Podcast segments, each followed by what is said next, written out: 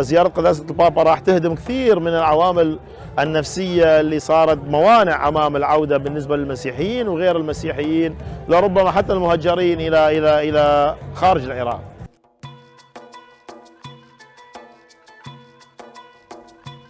استمعتم إلى الخوري أسقف ثابت حديد النائب العام لأبرشية الموصل للكلدان وهذا مقتطف من حديثه عن أول زيارة بابوية إلى العراق. وهو موضوع حلقتنا اليوم من بودكاست في عشرين دقيقة. أهلا بكم معكم براء صليبي. كانت زيارة البابا فرانسيس إلى العراق حديث الإعلام والصحافة في الأيام الماضية لكونها أول زيارة بابوية على الإطلاق إلى هذه المنطقة وأول رحلة خارجية للبابا فرانسيس منذ بداية انتشار وباء كورونا.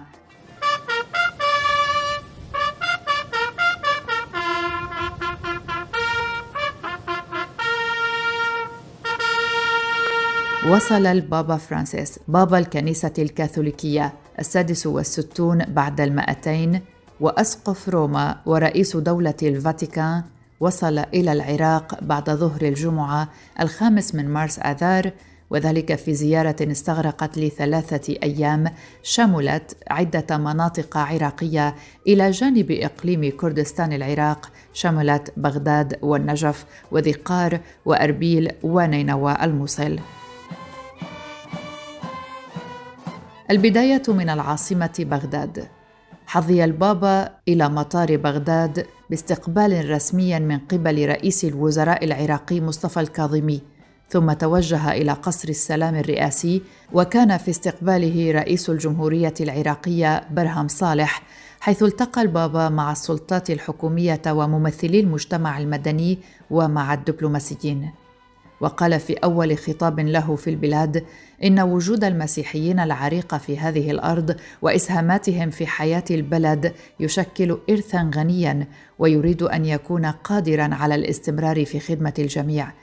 وكانت أول كنيسة يزورها ويصلي فيها البابا في العراق هي كاتدرائية سيدة النجاة للسريان الكاثوليكيين وهي من أكبر كنائس العاصمة بغداد وتم استهدافها في العام 2010 من قبل تنظيم القاعدة. اجتمع هناك مع الأساقفة والكهنة والرهبان والراهبات والإكليريكيين ومعلمي التعليم المسيحي.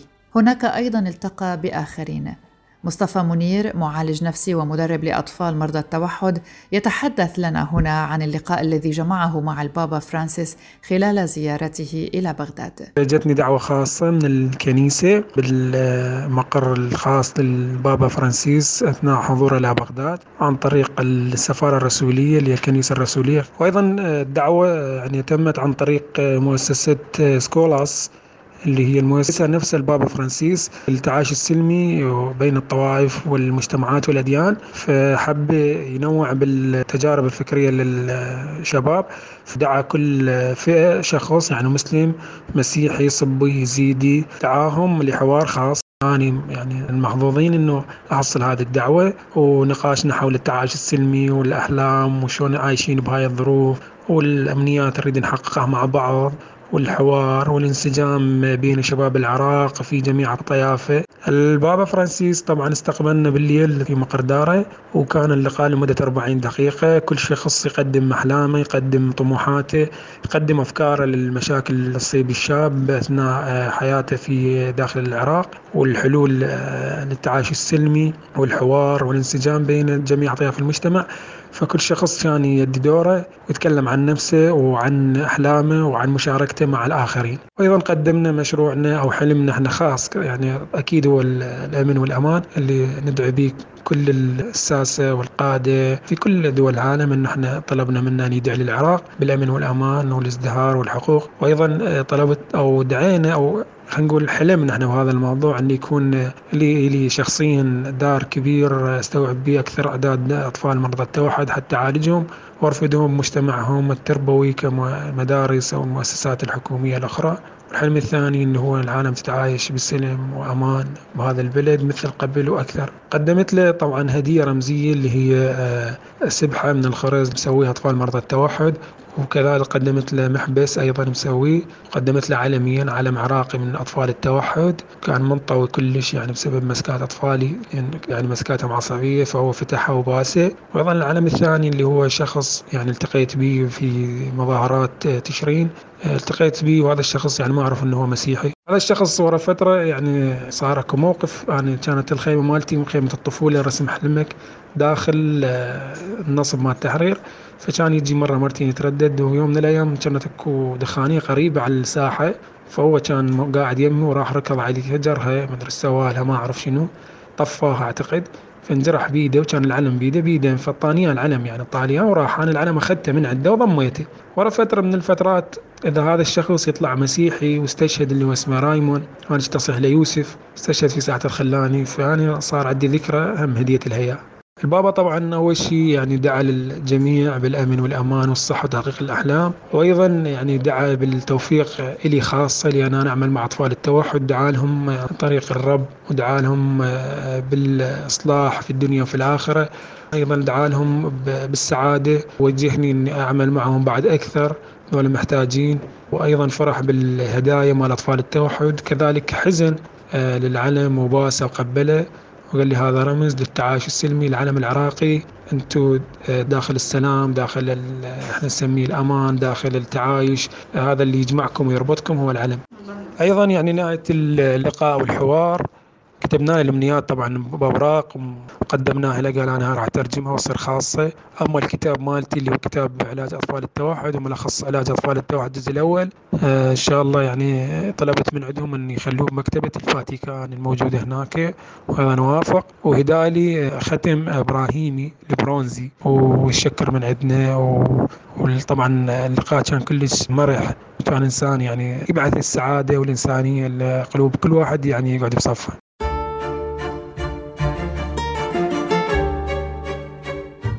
ثم كان اللقاء الكاثوليكي الشيعي. ففي اليوم الثاني من الزيارة توجه البابا فرانسيس إلى مدينة النجف وذلك للقاء المرجع الشيعي علي السيستاني الزعيم الروحي لملايين المسلمين الشيعة وهي الطائفة الدينية الأكبر في العراق وهو المرجع الديني الأعلى للشيعة الاثنى عشرية الأصولية. خلال الزيارة ردد البابا رسالة قائلا فيها إنه ينبغي أن يكون المسيحيون قادرين على العيش بسلام وأمن مثل سائر العراقيين. وكان هذا اللقاء الثنائي لقاء يحدث للمرة الأولى على هذا المستوى بين رأس الكنيسة الكاثوليكية والمرجعية الشيعية العراقية والذي يرى مراقبون أنه قد يشكل تتمه لقمة أبو ظبي العام 2019 بين بابا الفاتيكان وشيخ الأزهر الشريف برعاية ولي عهد أبو ظبي الشيخ محمد بن زايد والتي تمخض عنها توقيع وثيقة الأخوة الإنسانية. من النجف توجه البابا فرانسيس إلى مدينة الناصرية في محافظة ذي قار وذلك لزيارة منطقة أور الأثرية واحدة من أقدم الحضارات في العالم. ولما يميز أور من رمزية روحية مقدسة لدى مختلف تلك الأديان كونها مسقط رأس النبي إبراهيم ومهد الديانات الإبراهيمية التوحيدية. بحضور البابا أقيمت هناك صلاة الأديان وباجتماع ممثلين مختلف الديانات السماوية الإبراهيمية وغيرها من ديانات ومعتقدات كالصبئة المندائيين والأيزيديين. حيث قال البابا فرانسيس من أور من هذا المكان ينبوع الإيمان من أرض أبينا إبراهيم نؤكد أن الله رحيم وأن أكبر إساءة هي أن ندنس اسمه القدوس بكراهية إخوتنا. لا يصدر العداء والتطرف والعنف من نفس متدينة بل هذه كلها خيانة للدين. وقال أيضا نحن المؤمنون لا يمكن أن نصمت والإرهاب ينتهك حرمة الدين. علينا أن لا نسمح لغيوم الكراهية أن تحجب نور الحق. من النجف توجه البابا فرانسيس إلى مدينة الناصرية في محافظة ذي قار وذلك لزيارة منطقة أور الأثرية واحدة من أقدم الحضارات في العالم. ولما يميز أور من رمزية روحية مقدسة لدى مختلف تلك الأديان كونها مسقط رأس النبي إبراهيم ومهد الديانات الإبراهيمية التوحيدية. بحضور البابا أقيمت هناك صلاة الأديان وباجتماع ممثلين مختلف الديانات السماوية الإبراهيمية وغيرها من ديانات ومعتقدات كالصابئة المندائيين والأيزيديين.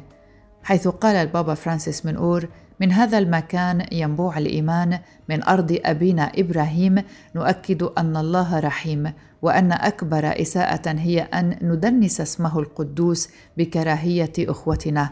لا يصدر العداء والتطرف والعنف من نفس متدينة بل هذه كلها خيانة للدين. وقال أيضا نحن المؤمنون لا يمكن أن نصمت والإرهاب ينتهك حرمة الدين. علينا أن لا نسمح لغيوم الكراهية أن تحجب نور الحق.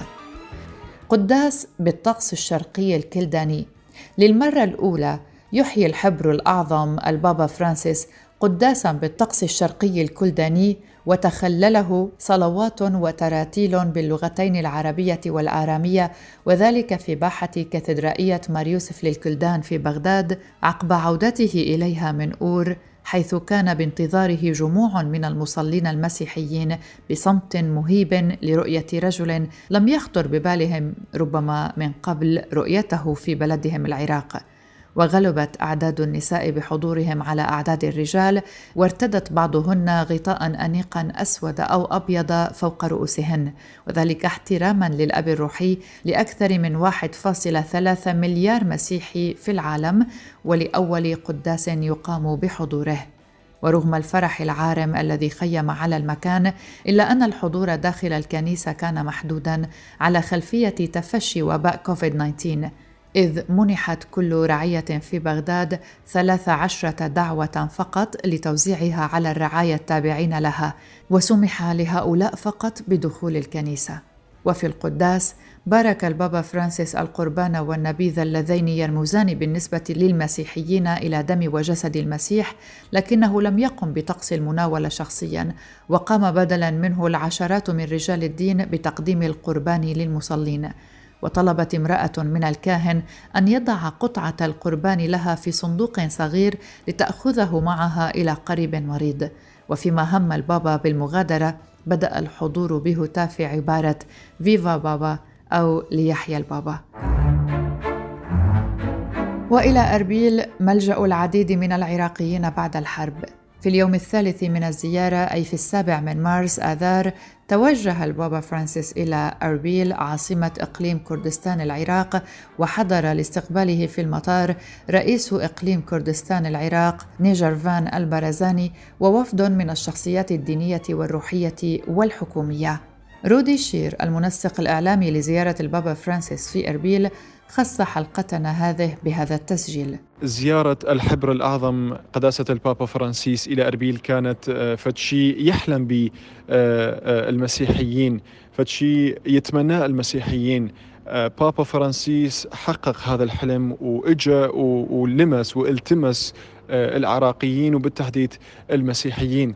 طبعا زيارة بابا كانت تحت شعار أنتم أخوة حيث دعا البابا جميع المكونات اللي تعيش بالعراق إلى الوحدة والأخوة والعيش بسلام مع البعض. البابا شدد على كلمة التسامح أن التسامح هو المفتاح الوحيد اللي إحنا نقدر من خلاله نعيش بمحبة والسلام قداسة البابا احتفل بأكبر قداس إلهي وأكبر قداس احتفالي. بعد اجتياح آه، فيروس كورونا يوم أمس في ملعب فرانسوا حريري في أربيل حيث شارك أكثر من عشرة آلاف مؤمن في هذا القداس. وكان يوم رائع بامتياز. المتواجدين في الملعب ما كانوا يصدقون أنه هذا بابا اللي دخل وسوى جولة في هذا الملعب وشاف وشافوا العراقيين. نتمنى أنه هذه الزيارة ما تكون نتائجها فقط. آنية وأيضا يكون أكو نتائج بعد الزيارة. وفي تصريح لموقع سكاي نيوز عربية قال ستيفان شاني المسؤول الإعلامي في الكنيسة الكلدانية في أربيل زيارة قداسة البابا فرصة لإظهار العطاء والكرم هنا في إقليم كردستان العراق عبر حرصنا على القيام بواجب الاستضافة والترحيب بما يعكس الأهمية الاستثنائية لضيفنا المبجل حيث تتعانق الأديان والطوائف هنا. ومن أربيل استقل البابا فرانسيس طائرة مروحية إلى مدينة الموصل وزار حوش البيعة وهي ساحة تتوسطها أربع كنائس دمرها الدواعش وعاثوا فيها فسادا ونهبا إبان احتلالهم للموصل. ولا زالت آثار الدمار بادية عليها رغم الانهماك في ترميمها وإعدادها استعدادا لزيارة البابا. ثم اتجه البابا إلى بلدة قرقوش مؤديا صلاة التبشير الملائكي في كنيسة الطاهرة. والتقى أهالي البلدة التي تعد من أقدم المناطق المسيحية وأعرقها في الشرق ككل والتي دمر داعش أجزاء منها خلال اجتياحه هذه المناطق في عام 2014 وعاد المسيحيون بعد هزيمة تنظيم داعش عام 2017 الأب عمار ياكو مسؤول كنيسة الطاهر الكبرى في مدينة قرقوش خصنا بهذا التسجيل. زيارة قداسة البابا آه، بها كثير من التفاصيل أكيدا سواء آه، انتشار الواسع في العالم لفيروس كورونا وصعوبة التنقل وأيضا الصعوبات اللي يعيشها العراقيين بعد هل الحروب والصراعات والهجمات الإرهابية اللي عانى منها العراق مهمة جدا بالفعل لأنه هالظروف هي ظروف استثنائية ولهذا قداسة البابا بيأكد على أنه حضوره رغم كل هالصعوبات راح يكون بين العراقيين وبيننا إحنا أهل بغداد قرقوش هدف قداسة البابا من هالزيارة بأنه يدعو العالم كله أن يساعد العراق حتى يصير بلد مثل باقي البلدان اللي تنعم بالاستقرار والتطور وتنتهي كل الحروب اللي تصير في هذا البلد منذ سنين طويلة. فهدفه أكيدا هذا وراح ينادي ويرسل رسائل للعالم كله بأنه يكفي هالتوترات والحروب اللي يعيشها العراق. من الموصل عاد البابا إلى أربيل لإحياء القداس الاحتفالي في ملعب فرانسوا حريري وهي أكبر فعالية أحياها البابا خلال زيارته لبلاد الرافدين بحضور عشرة آلاف شخص وسط مخاوف من انتشار فيروس كورونا خاصة أن العراق قد سجل ارتفاعا حادا في عدد الإصابات بكوفيد 19 خلال الشهر الماضي فضلا عن مخاوف أمنية بشأن زيارة البابا التي تعد واحدة من أخطر رحلاته حتى الآن. وتكتسب محطة البابا الكردستانية أهمية استثنائية كون كردستان العراق باتت المكان الأكثر أمانا واحتضانا لمسيحيي العراق ككل سيما مع الاستهداف الإرهابي المتواصل بحقهم على مدى السنوات الماضية منذ زمن تنظيم القاعدة وأبي مصعب الزرقاوي وصولا لتنظيم داعش وأبي بكر البغدادي والذي أوغل في قتلهم وتهجيرهم وتدمير مناطقهم وكنائسهم ودور عباداتهم المغيلة في القدم وتحديدا في منطقة سهل نينوى وفي ذلك قال بابا الفاتيكان في أربيل التناقص المأساوي لأعداد مسيحيي الشرق الأوسط ضرر جسيم لا يمكن تقديره. في آخر محطات زيارة البابا فرانسيس من أربيل قال: إن هذا البلد سيبقى دائما معي وفي قلبي. واختتم البابا قداسه برسالة قال فيها خلال هذه الأيام التي أمضيتها بينكم سمعت أصواتا عكست الألم ولكنني سمعت أيضا أصواتا فيها رجاء وعزاء. ثم قال باللغة العربية كان الله معكم. سلام المسيح إلى كل من يشاهدنا ويسمعنا. ربي يبارككم وياكم القسيس بشار حداد. إحنا طبعا نشكر البابا على زيارته. وأحب أوصل رسالة أن الشعب العراقي شعب طيب شعب فرح بزيارة شخص رجل دين ممكن يصلي من أجلهم أو يحبهم. في مشكلة عندنا لازم نوصل صوتنا إلى المجتمع. المسيح علمنا نحب ونسامح ونساعد وأيضا علمنا نقول الحق. والحق اليوم أنه الشعب العراقي تم ظلمه لمدة تسع سنين ونطالب اليوم بأنه يكون له صوت ويرجع حق الشعب. بسبب الظلم واللي يصير بينا. بسبب زيارة البابا رجل من رجال الدين اليوم تم إعداد كل شيء من أجله. طب أهل البلد لا يتم اليوم إعداد أي شيء من عندهم. الشعب العراقي اليوم شعب لاجئ مهجر في ضياع في انقسام في تحزب بسبب الأفكار والعروق التي دخلت فينا. بسبب عدم وجود سلام اليوم بأرضنا. لكن الشعب طيب. إحنا شعبنا شعب يحب الحياة. لكن بنفس الوقت لازم نوصل صورة اليوم. إنه الرب يسوع جاء من أجل السلام وجاء من أجل خلاص العالم. بحاجة أن نكون أمناء أمام الله وأمام العالم. أن نوصل رسالة السلام رسالة الرب يسوع المسيح إلى هذا العالم. وأتمنى أن نقوم بإيصال رسالة الحق للجميع وعدم السكوت عن الحق. لمجد اسم المسيح ومن أجل الإنسان والإنسانية إحنا نحترم ونقدر ونشكر شخص البابا لزيارته وفي نهاية الرحلة عقب زيارة أربيل توجه بابا الفاتيكان إلى العاصمة العراقية حيث أقيمت له صباح الاثنين الثامن من مارس آذار مراسم وداع رسمية في مطار بغداد الدولي الذي غادر منها إلى إيطاليا بعد زيارة تاريخية حافلة. عدنان يوسف مواطن عراقي. نستمع إليه. كلنا أمل بأن تكون هذه الزيارة فاتحة خير لأبناء الشعب العراقي بكافة طوائفه لأن الشعب العراقي قاس وعانى الكثير من آلام ومصاعب. هذه كانت حلقة اليوم من بودكاست في عشرين دقيقة. كنت معكم براء صليبي شكرا لزميلتي وصديقتي يالا فهد على المشاركة في الإعداد. وشكرا لكم على حسن الاستماع والإصغاء. إلى اللقاء.